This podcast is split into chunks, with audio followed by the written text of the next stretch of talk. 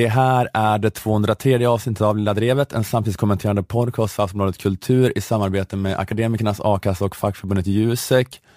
Här på plats med Malmö musikstudio är jag, Ola Söderholm och Nanna Johansson. Hej hej! Hallå, hallå.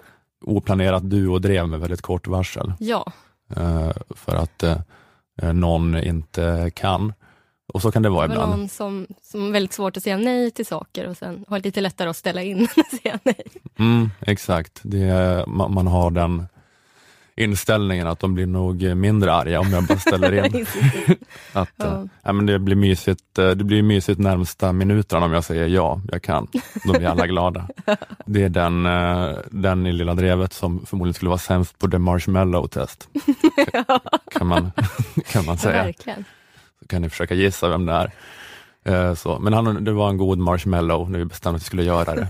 Så. Men sen så slippa ställa in hade kanske varit som att äta två marshmallows. Just Ja, det. ni fattar vad jag menar. Men i alla fall, eh, det är eh, så det, blir, det, det, det kanske blir lite kortare avsnitt än vanligt, för vi har inte haft så, vi har inte så speciellt mycket material Nej, det heller. inte som att vi förberedde oss för att det bara var vi som skulle fylla ut ett avsnitt. Nej, så, men, det, ja, men det, det, det blir någonting i alla fall. Men så ni är medvetna om det. Ja, ni ser ju det på filen hur lång den är, så jag Just vet ju inte vad jag snackar om egentligen. Det kanske är ett helt normalt långt, ett avsnitt. extra långt. Vi kanske sitter och gaggar i fyra timmar. Ja, svårt att se det. också svårt att se det. I alla fall den här veckan så ska vi prata lite grann om tillståndet i vänstern, eller hur? Mm-mm. Och, men eh, innan vi kör igång så ska jag eh, säga att nu finns eh, biljetter ute eh, till eh, Lilla Drevets livepodd i Stockholm. Kinateatern 31 oktober ska vi köra livepodd. Jag hoppas att de kommer finnas ute i alla fall. De, de ska finnas ute torsdag morgon när det här avsnittet lägger ute. Eh, vi var ju livepoddade i Stockholm i våras på eh, Intiman och då biljetterna sålde slut här på en eh, dag typ, så vi tänkte att det vore kul att komma tillbaka till Stockholm och köra lite. Och eh, så, ja, men så det blir, eh, det, ja, det blir inte du, eller hur? Nej, jag undviker scen. Du älskar inte scenen som Nej. vi andra gör. Står Som- inte där och, och, och flörtar med publiken. Eller vi, eller Jonathan älskar scenen, vi andra kanske står ut med den. Fast ni älskar scenen också. Ja, eller jag Moa håller ju på med impro nu i och för sig. Mm. Det är ju att älska scenen på ett, på, på ett mentalsjukt Ja. sätt. Det är att älska scen. Mm, det är, det är att begå övergrepp på scenen i princip. Eh, Men, just det, men det är vi tre då, det ska jag säga. Det är jag eh, och eh, Jonathan och Moa som kommer representera Lilla Drevet, precis som det var i våras. Charmtruppen. Just det, precis. Ja, men det kanske vi kan ha som undertitel till den här showen. Biljetterna, just det, jag vet inte, jag tror biljetterna ska finnas, de borde väl finnas via Kinateaterns hemsida som jag tror är kinateatern.se. Jag tror att om man följer dig på Twitter eller Instagram, då kommer man få en bra länk till det här. Man kommer få en länk via mina sociala medier. Jag kan lägga in länken kanske i, den här, i avsnittsbeskrivningen till det här, till det här avsnittet också. Yes. Okej, men eh, jag tänkte börja prata lite om det här att eh, det har varit en debatt nu de eh, senaste dagarna om eh, huruvida man eventuellt måste vara mer uppmärksam i Sverige på en ny typ av politisk korruption Mm. eller försvagning av demokratin eh, som kan uppstå på grund av klanröstning eller kanske etnisk röstning. Just det. Har du hört talas om den här debatten? Ja, jag har också, också följt det. men det var i alla fall strax innan valet, eh, hade Uppdrag granskning ett avslöjande om miljöpartisten Ali Khalil, eh, kommunpolitiker i Stockholmsförorten Botkyrka, eller före detta kommunpolitikern fick sparken efter det här eh, avslöjandet. Eh, Men han var miljöpartist då, men han tänkte utanför lådan och försökte kränga 3000 röster till Moderaterna i Botkyrka. Det missade jag däremot. Jag har bara följt det de senaste dagarna. Ja, det är egentligen, det är egentligen olika saker. Inte, jag kanske inte skulle haka i det i den här eh, Twitter-psykosen med Ivar Arpi och olika människor som har varit kring den här, eh, för det, det har varit något annat kring den här Leila, någonting som hade Ja, somaliska, somalisk svenskan som hade kryssat sig in. Men eh, så att, ja, jag, jag, jag, jag tänker inte ta upp det nu, utan jag eh, utan det här var, ja, men det här var ju mer då ett solklart exempel på så kallad klanröstning, Mm. eller vad man ska kalla det. Eh, Men det var att han var, han var miljöpartist, men han tänkte carpe diem, tänkte, tänkte utanför lådan och försökte då sälja 3000 röster till Moderaterna i Botkyrka i utbyte mot att de skulle bevilja bygglov för byggandet av en ny moské Okej. för en församling som han var aktiv i. Alltså Moderaterna i Botkyrka fick en inbjudan till ett möte med en muslimsk församling och inbjudan kom från Miljöpartiets gruppledare i kommunen, eh, Ali Khalil och han är också aktiv i församlingen. Eh, och då fick de det erbjudandet och Moderaterna tackade nej till erbjudandet. Då. Ja. Eh, men eh, Uppdrag granskning bad en moderat att ringa upp Ali Khalil och säga att eh, vi kanske är intresserade ändå, för att det skulle fångas liksom på band och Mm. film när han höll på att hassla. Så här. Så, det var, lite lustigt att de sa att vi är så himla, vi är så extremt restriktiva med dold kamera vi är på Uppdrag granskning. Att vi är väldigt restriktiva, men den här gången var det nödvändigt. Och jag liksom, ja, men jag tänkte på det, jag såg det för ett par veckor sedan när de så granskade de nordisk, nordisk alternativ höger och då eh, och de liksom var ett reportage där de följde dem och, så de, och de är så öppet rasistiska. Det var bara hela tiden sådana scener som de bara var helt okej blev filmade, att de har en fest och står och skålar, så bara står de och vrålar att Sverige åt svenskarna och svenskar är vita. De la till det alltid, att man skulle veta att det är inte ingen sån öppen definition av svenskhet här. Kanske var tvungna att definiera när det var en kamera där. Annars kanske de nöjer sig med att säga svenskarna så vet de alla liksom vad som menas. Ja, det, men kanske det är Sverige åt svenskarna, men så är det som att i och med att Sverigedemokraterna bara pratar så mycket om det här med öppen svenskhet, så Ja. då måste vi till höger om SD vara ännu tydligare och svenskar är vita. Just det. De tryckte in det varje gång de hade talkörer. Eh, och de, de hade liksom inget problem med det, att det, allt bara det blev filmat. Men sen var det så här, en bit in i reportaget var det så här, och nu ska vi filma, filma med dold kamera. Okej. Och jag liksom, det var bara så svårt att förstå poängen med att filma helt oblyga, öppna rasister med dold kamera. Vad hoppas man, att, vad, vad- vill man avslöja då? Att de egentligen bara sitter och... Ja, ja, men det var just det som hände lite grann, att, att de var, eh, att när de filmade med dold kamera, det som skedde då var att det hon fick på band mest då var att de försökte bjuda in den här reportern som hade en dold kamera på sig till ett blot. Ska- Men det känns ju också som att de hade kunnat göra on. Ja, och det är inte, och, ja, men det var ju som det minst rasistiska Ja. som hände i hela dokumentären. Det är ju inte Det är ju nödvändigtvis mer- nej, nej, rasistiskt det är att vara bara- asatroende. Bara en liten mysig hobby de har liksom. vill komma och blota, vi ska blota lite för orden. Ja, men det var som en så inverterad version utav där Moderaternas valstugereportage. Ja. Att, eh, när det bara, att eh, ja, men den här moderatgubben var inte rasist när det var öppet med kameran, sen så sa han rasistiska saker med dold kamera. Men de här är då, ja just att man fångar dem med dold kamera när de inte är rasistiska. Nej, inte de, precis. Då ja, sysslar de bara med så här, cosplay.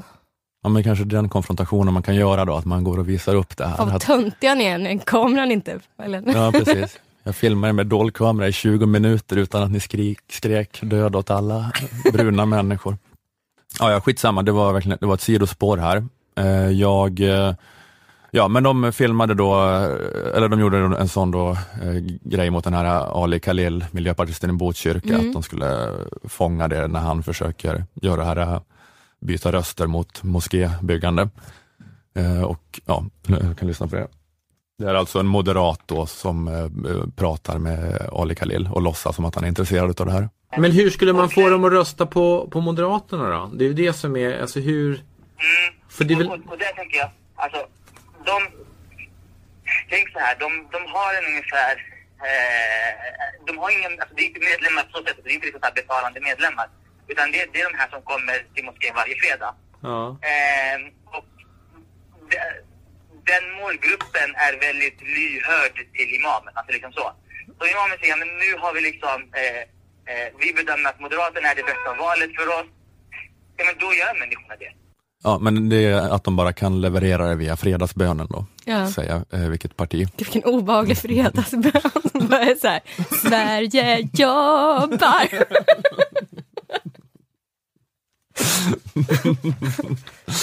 Ja.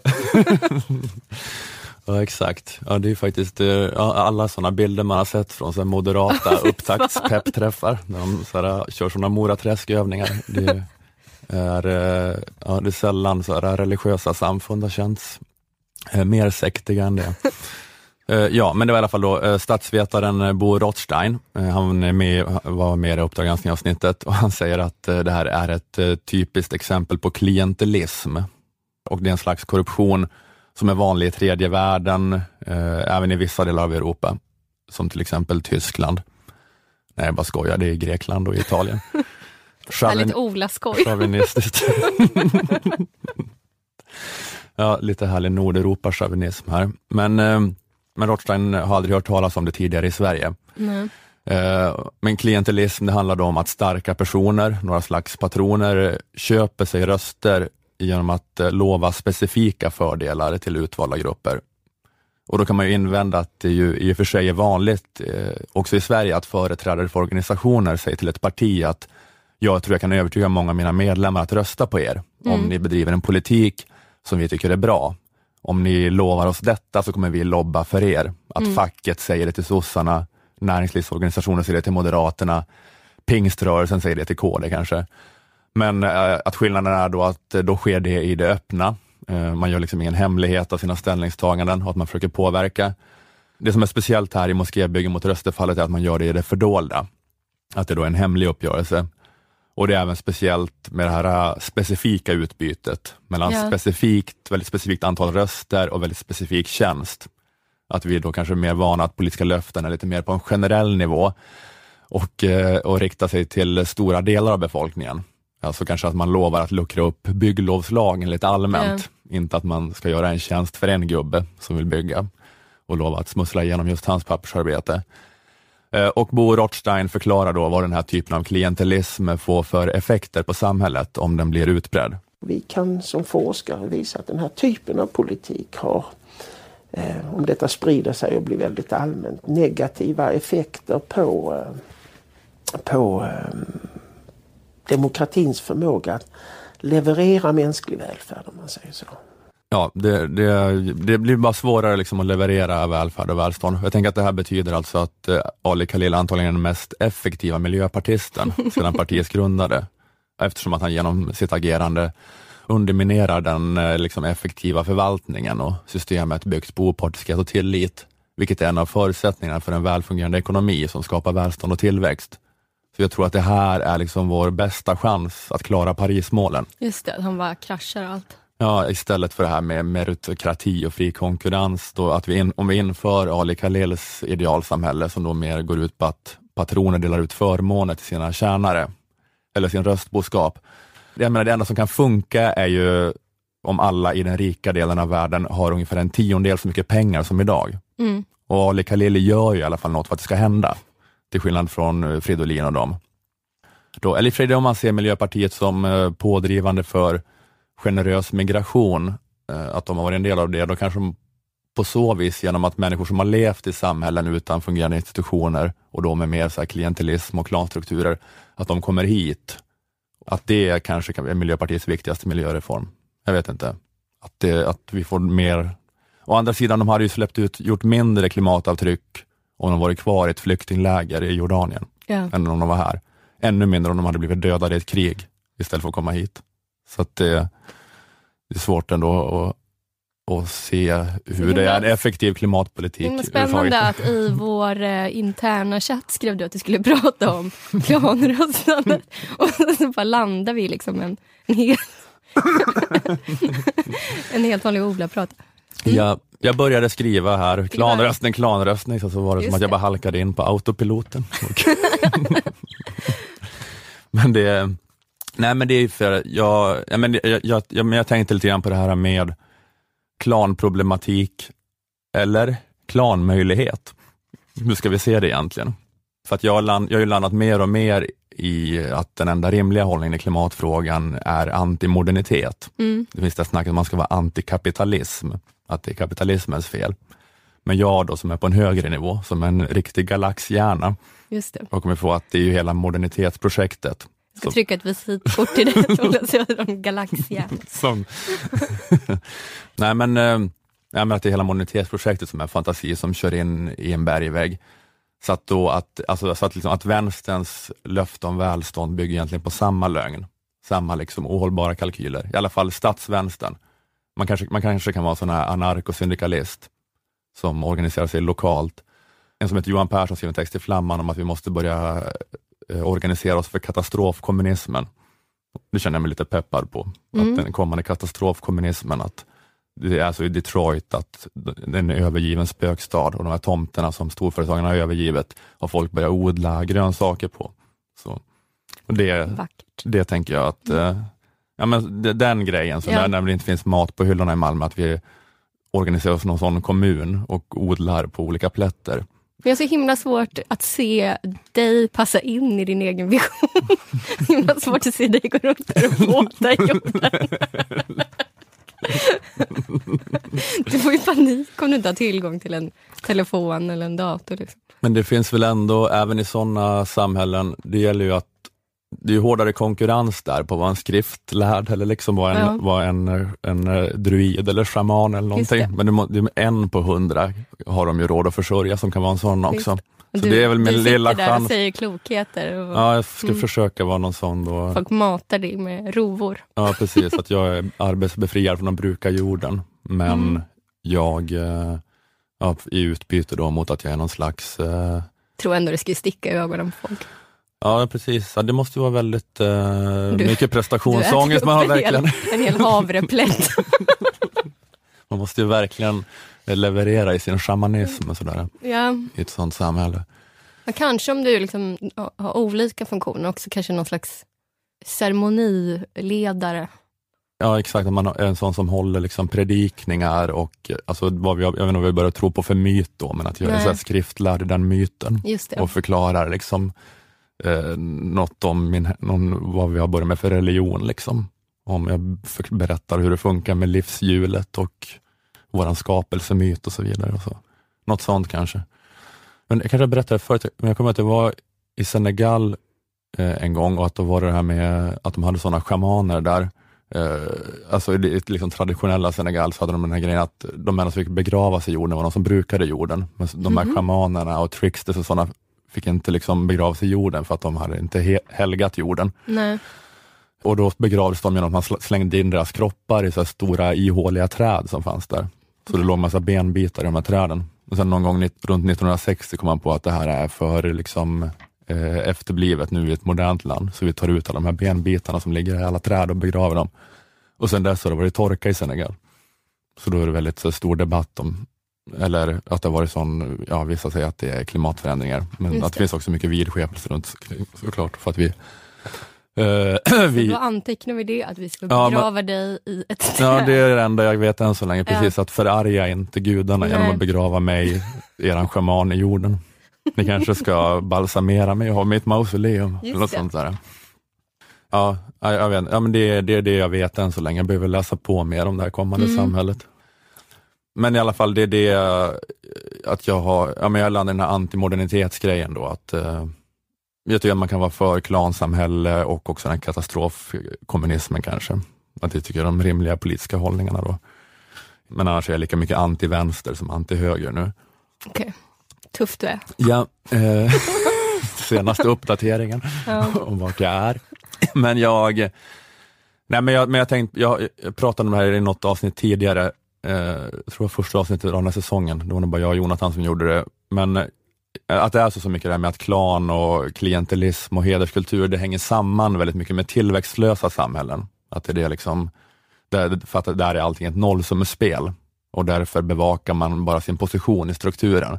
För man har liksom inga möjligheter att röra sig bort och skapa sig något annat eh, på något annat vis. Och i och med att det är det som verkar se ut nu, då, att, att det är det vi har att vänta då kanske på grund av den ekologiska koll- kollapsen, att vi alla kommer återgå till det här tillväxtlösa tillståndet med begränsade resurser, att då är det väl lika bra eh, att vänja sig, att, eh, att nu är det så här. Att eh, ta liksom Ali Khalils lid här, att ta Botkyrka muslimska församlingslid allihopa, hitta snabbt en stark man som kan ge dig beskydd och fördelar i utbyte mot din lojalitet. Och, jag, och jag, det verkar rätt skönt tycker jag också, med ett klansamhälle. Man vet sin plats. Tycker du det? Jag tänkte faktiskt på det när jag hörde om det här med, med eh, Botkyrka församling. Mm. Jag tycker att det verkar rätt mysigt att klanrösta ändå. Att jag hade inte haft någonting emot det. Vadå, att man, man går dit i Man- grupp? Ja, på samma sak? Alltså det, vad, vad är det du tycker är mysigt? ja men jag, jag bara tvivlar på att det skulle vara värre än det här vanliga röstandet man gjorde för ett par veckor sedan. Ja, Att man kan ju ha lite den där känslan av eh, då att de, eh, av mainstream-politiken, att men vilka är ni? Ni bara skvalpar runt på världskapitalismens hav och ni ropar olika värdeord och man kan då känna tvivel över vilken förmåga har ni egentligen att göra skillnad. Man kan känna lite apatin, eller hur, I, i, under valrörelsen. Och då är, ju, menar, då är ju det här med klanröstandet ändå något mer greppbart. Alltså församlingen i Botkyrka, de skulle ju få en grej i alla fall. Ja. Det var ju något att ta på. De skulle få ett bygglov. Och det hade kanske känts mer inspirerande att använda sin rösträtt då. Att om vi hade haft en klanledare på Möllan. Att man verkligen köper någonting då. Liksom. Ja, Mm. ja men så att eh, vår starke man Stefan, han bara fixade en grej åt oss. Att, nu, att de börjar servera mellanöl på öppna förskolan. Just det. Han bara gör en sån deal med Socialdemokraterna att jag levererar 3000 röster från Möllanpappor om vi lovar att det börjar serveras tubor på Barnens hus. Att eh, då liksom, eh, jag menar, då, det, det, det skulle ändå vara något, att man kan, man kan sitta och se hela partiledardebatten helt nollställd, men om någon säger vi kan fixa mellanöl på öppna förskolan, då är man ju så bara, va? va hur? Vad, vilken lapp? Vilken lapp är det? Den här lappen och ge den till den tanten och då kommer det mellanöl. Bara säg vilken lapp. Varför står det Socialdemokraterna här? Varför står det inte Mellanölspartiet? Att, eh, ja, jag, menar, jag, jag, jag, kan- ju ändå se fördelarna med det, att alla så här tycker, tycker att det var så negativt. Eh, men det, jag menar, församlingen i Botkyrka, de kanske ändå på något vis kanske får mer tilltro till vår demokrati. Då. De kände ju ändå, fan här, här levererade ju politiken på ett väldigt tydligt och greppbart sätt. Det var inte bara det här att eh, ja, men det var inte bara Annie Lööfs Instagram liksom, som man fick titta på och försöka känna någonting, utan här var det ju, här kom det ju en grej. Så att, eh, ja, så det, ja, men det är det här klanproblematik, eller hur? Det kinesiska tecknet för klanproblematik är samma som det kinesiska tecknet för klanmöjlighet. Mm. Det var bara det jag ville komma till tror jag.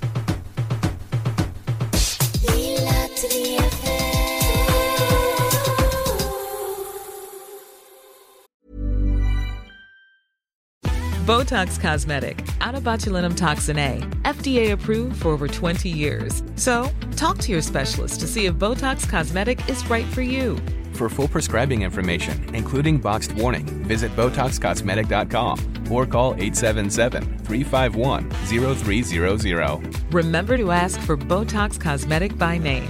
To see for yourself and learn more, visit BotoxCosmetic.com. That's BotoxCosmetic.com.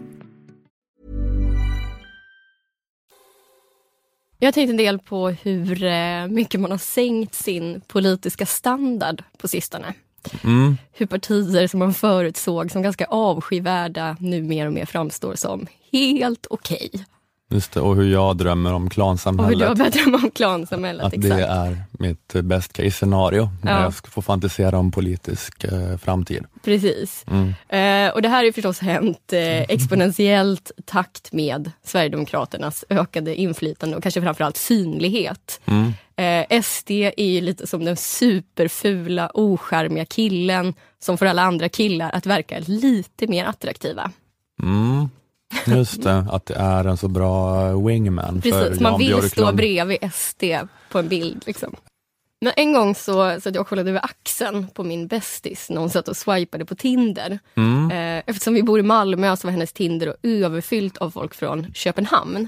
Mm. Eh, det är tydligen någon grej, om man inte ställer in någon slags avståndsfilter så får man typ bara danskar i sin Tinder. Ja, ja. Eh, och så var det extremt många fula danska killar såna snabba solglasögon och eller dyr men sorglig skinnsoffa. Eh, Kasper 27, snabba brillor, skinnsoffa. Mads 34, snabba brillor, skinnsoffa plus dålig hy. Preben 30, snabba brillor, ingen skinnsoffa men däremot en jätteful hund som man typ hånglar med på bilden. Och så vidare. Eh, så då när det väl dök upp någon som inte hade snabba brillor eller något annat frånstötande, då framstod den snubben plötsligt som attraktiv. Trots Ah. att den i alla andra sammanhang på sin höjd hade räknats som medioker. Så att eh, killar i Malmö har liksom en edge på Tinder då, för att de står jag bredvid tror det, i danskarna? alla fall av det jag såg. Sen kanske flera av de här som jag bara, jag bara antog att de fula var danskar, men det kanske inte var. Eh, men i alla fall, det jag ville komma till är att Den här glidningen är, lite otäck. Hur snabbt någon kan framstå som åtråvärd bara för att det råkar vara den mest åtråvärda i sammanhanget. Och hur snabbt man kan sänka sin egen standard. Eh, och det är lite det som har hänt mig nu som socialist. Jag som socialist har kommit på mig själv med att tänka tankar som Centerpartiet är inte så illa ändå. Eftersom oattraktiva killen SD nu har fått alla andra partier att verka lite sexigare och lite mindre osmakliga. Eh, Och det har också varit lätt för ett parti som Centern att verka lite extra sexiga genom att aktivt ta avstånd från det osexiga. Alltså vi är många som nickat gillande när Annie Lööf drämt till Jimmy Åkesson i debatterna. Åh Annie, har man tänkt, nästan tårögt. Vad fin du är, som då och då säger typ, nu får du skärpa dig till en fascist. Men valrörelsen är slut och det är dags att landa. Centerpartiet borde inte få någon jävla medalj för att de stått upp mot SD. Det är alla tänkande och kännande människors plikt att göra det. Alltså det är ett minimikurage, särskilt om man är politiker. Eh, Kajsa Ekis Ekman, en av våra främsta tänkare Det i är all... ungefär som att säga att alla danskar är oknullbara. det är något man bara måste göra om man är en humanist. Ja, precis. Ja. precis. Eh, Kajsa Ekis Ekman, en av våra främsta tänkare i allt utom transfrågor, satte i tidningen ETC fingret på en grej som skaver med allt det här. Hon skriver När vi nu har sett Alliansen dela upp sig i två delar före valet. En som är emot invandrare, M och KD, och en som är för, C och till viss mån L, sker det inte i konflikt. Tvärtom delar de upp väljarna emellan sig eftersom deras väljare har olika åsikter om frågan för att sen gå ihop igen. Eh, hon påminner om att borgerlighetens enda egentliga ideologi är att överföra makt och resurser från det allmänna till det privata. Eh, och jag citerar. Men eftersom detta intresse inte delas av de flesta kan borgerligheten inte komma till makten i något land om den inte anammar andra ideologier. Borgerligheten kan därför vara konservativ eller liberal eller till och med libertariansk. Den kan vara religiös eller sekulär, den kan vara för kvinnorna eller mot kvinnorna, för miljön eller mot miljön, för invandrare eller mot invandrare. Jag menar alltså att det var lite som en kollationering inför en teaterpjäs. Eh, allianspartierna har haft en rollbesättning och castat Ebba och Uffe som de hårdnackade mean girlsen och Jan och Annie, Janni som de något mjukare alternativen som ska då appellera till antirasisterna. Och det är allt för att kunna fiska upp så många olika väljaråsikter som möjligt med sin stora högerhov. En hov som de fortfarande håller i gemensamt. Alltså de har alltså använt både verktyget rasism och verktyget antirasism på samma gång för att täcka det. upp det här spektrat. Alltså jag tror på riktigt att Annie Lööf är antirasist. Men vi vet ju att hon i första hand är höger. Vi har redan sett henne sitta i en regering. Det var en regering som red ut välfärden, hetsade mot utslagna människor, ökade klassklyftorna och därmed rullade ut en mjuk, fluffig matta framför Sverigedemokraterna. Och nu, när folk till vänster och mitten på allvar sitter och leker med tanken på en blocköverskridande regering, så får man liksom inte glömma det. Annie Lööf är inte ofarlig bara för att hon är antirasist. Hon är en nyliberal, miljöhycklande Ayn Rand-älskare. Mm. Ja, det är exakt vad hon är. Alltså jag säger det här mest till mig själv, Ja. för jag också blev så för, förförd av Annie. jag blev också jätteförförd av minsta antirasistiska ljusglimt och den här vidriga valrörelsen. Man får liksom inte glömma att även om ens fiende plötsligt blir ens fiendes fiende så är den fortfarande ens fiende. Mm. Mm. Snappy sagt av mig.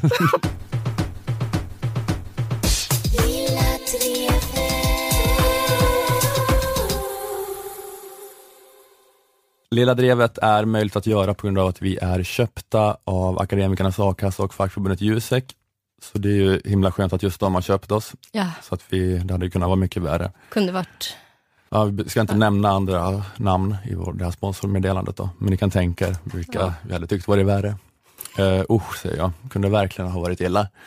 Eh, gå in på akademikernas.se och se till att ordna ett a-kassemedlemskap om du inte har gjort det. Endast 110 kronor i månaden och då får du upp till 20 000 i månaden om du skulle befinna dig mellan jobb. Är du eller är på väg att bli jurist, ekonom, systemvetare, personalvetare, kommunikatör eller samhällsvetare ska du gå med i fackförbundet Jusek. Då får du bland annat del av Juseks inkomstförsäkring som ger 80 av lönen upp till 80 000 kronor. Eh, det är i princip oändlig trygghet som omfattar nästan alla skulle jag säga. Ingen kan väl tjäna mer än 80 000 kronor. Att vara med i Akademikernas och Jusek kostar 361 kronor sammanlagt. Är du redan Akademikernas medlem lägger du alltså bara till 251 kronor för att också få vara med i facket. Och det är många som har börjat plugga nu. Eh, det har börjat en hösttermin precis och a-kassan och facket förknippas ju mest med arbetslivet. Men det är en bra idé att gå med redan som student. Man kan bli studentmedlem i Jusek för engångssumman 100 kronor och det gäller hela studietiden. Eh, och går man med får man till att börja med en, eh, man får en biobiljett om man går med, vilket kostar 130 kronor idag tror jag, ungefär. Så priset för att bli studentmedlem i Jusek är minus 30 kronor kan man säga. Eh, man får även en prenumeration på Jusek-tidningen Karriär och tillgång till Juseks studie och karriärrådgivningstjänster eh, med företagsbesök där studenter får nätverka med potentiella arbetsgivare eh, och man får hjälp med CV och personligt brevskrivande, karriärcoachning, rådgivning och så vidare. Tack till akademikernas och Jusek.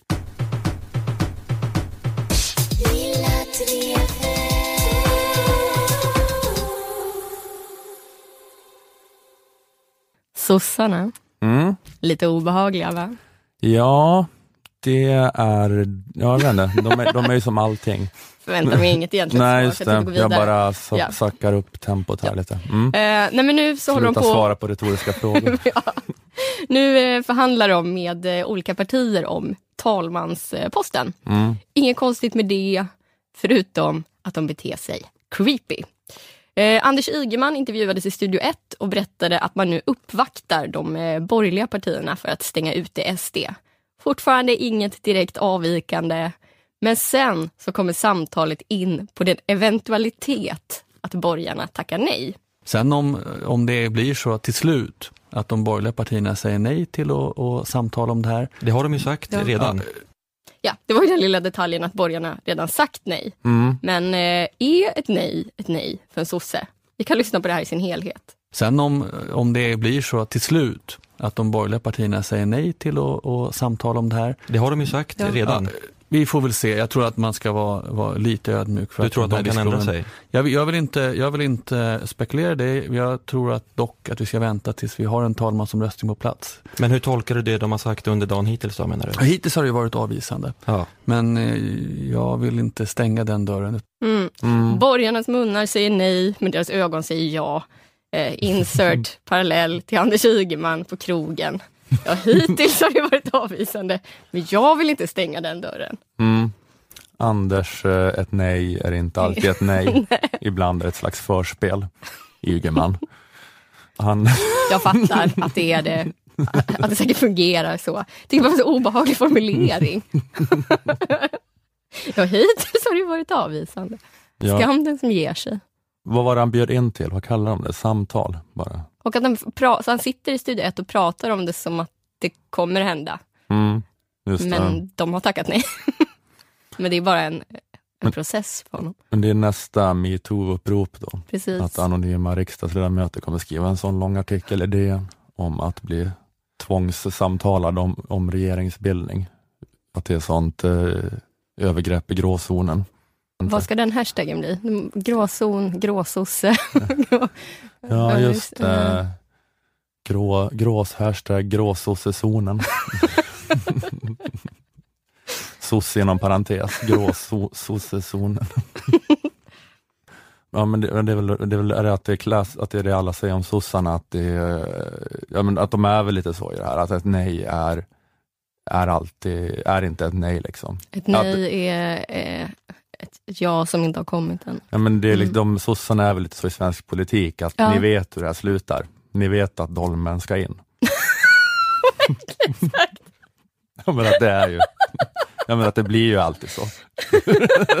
att ni kan hålla på med den här charaden, men vi kommer bilda regering. Ni fattar det.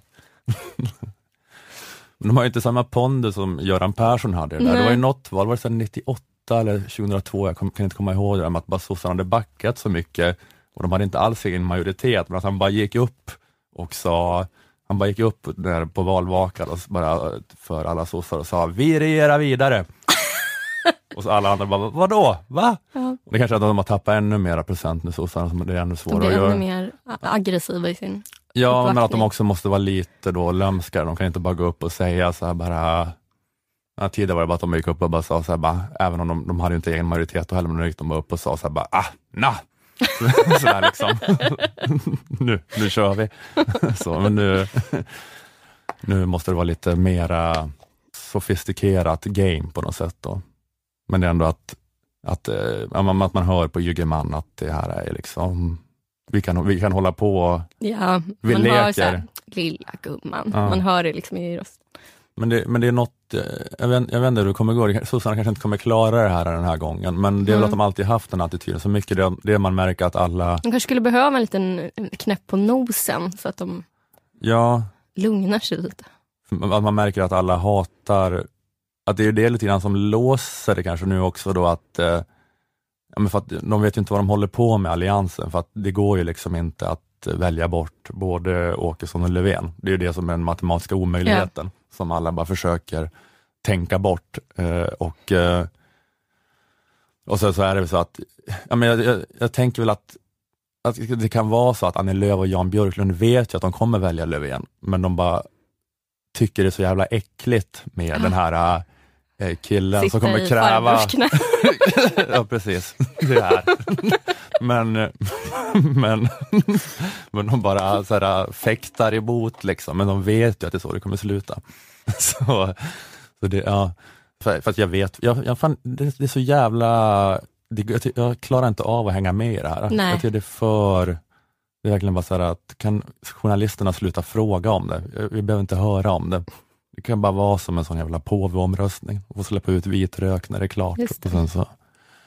Men då någon, jag hörde någon som pratade om det, att, att det kanske blir så att det inte blir blocköverskridande med sossarna, men att, att Moderaterna och KD bildar regering och tar stöd utav SD, eh, men de tar också stöd utav Centern och Liberalerna.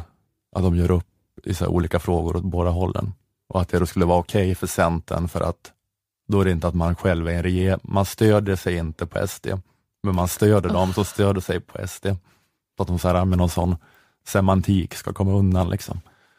Men jag vet inte ifall det är det verkligen eh, är den, eh, och be, tving- behöva sälja in den liksom, Ja. konstiga grejen för sina väljare, är det verkligen bättre än att bli utsatt för det här eh, gråzonsövergreppet av Ygeman? Det kan man ju diskutera då, vad som, vad som är jobbigast. För det, får, eh, det, får, det får Annie och Jan, eh, Jan vad kallar de, Janni, Mm. de får reda, reda ut det för sig själva.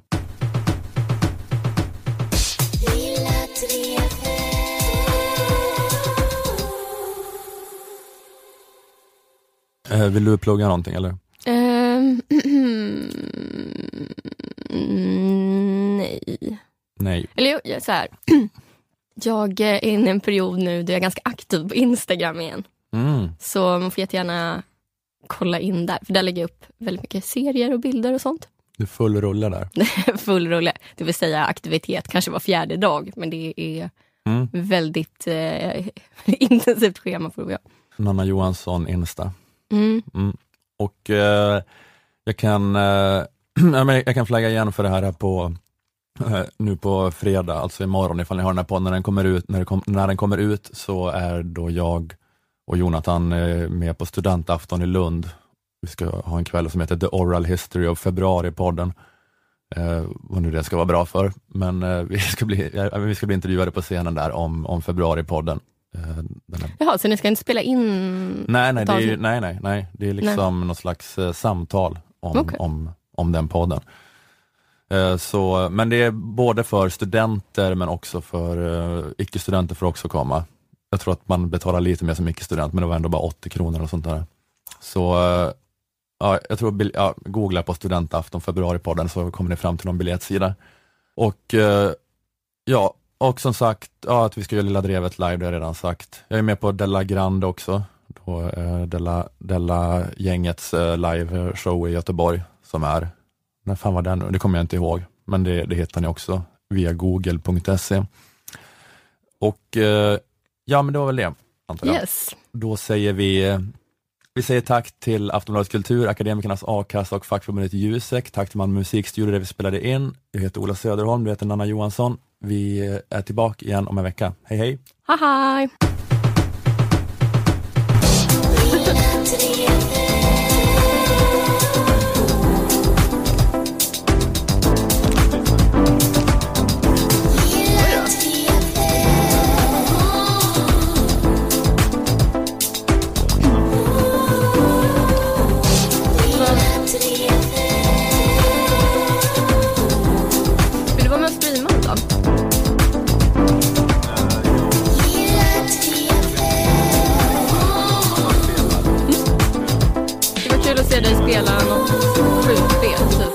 Overwatch eller Battlefield eller något. Ja.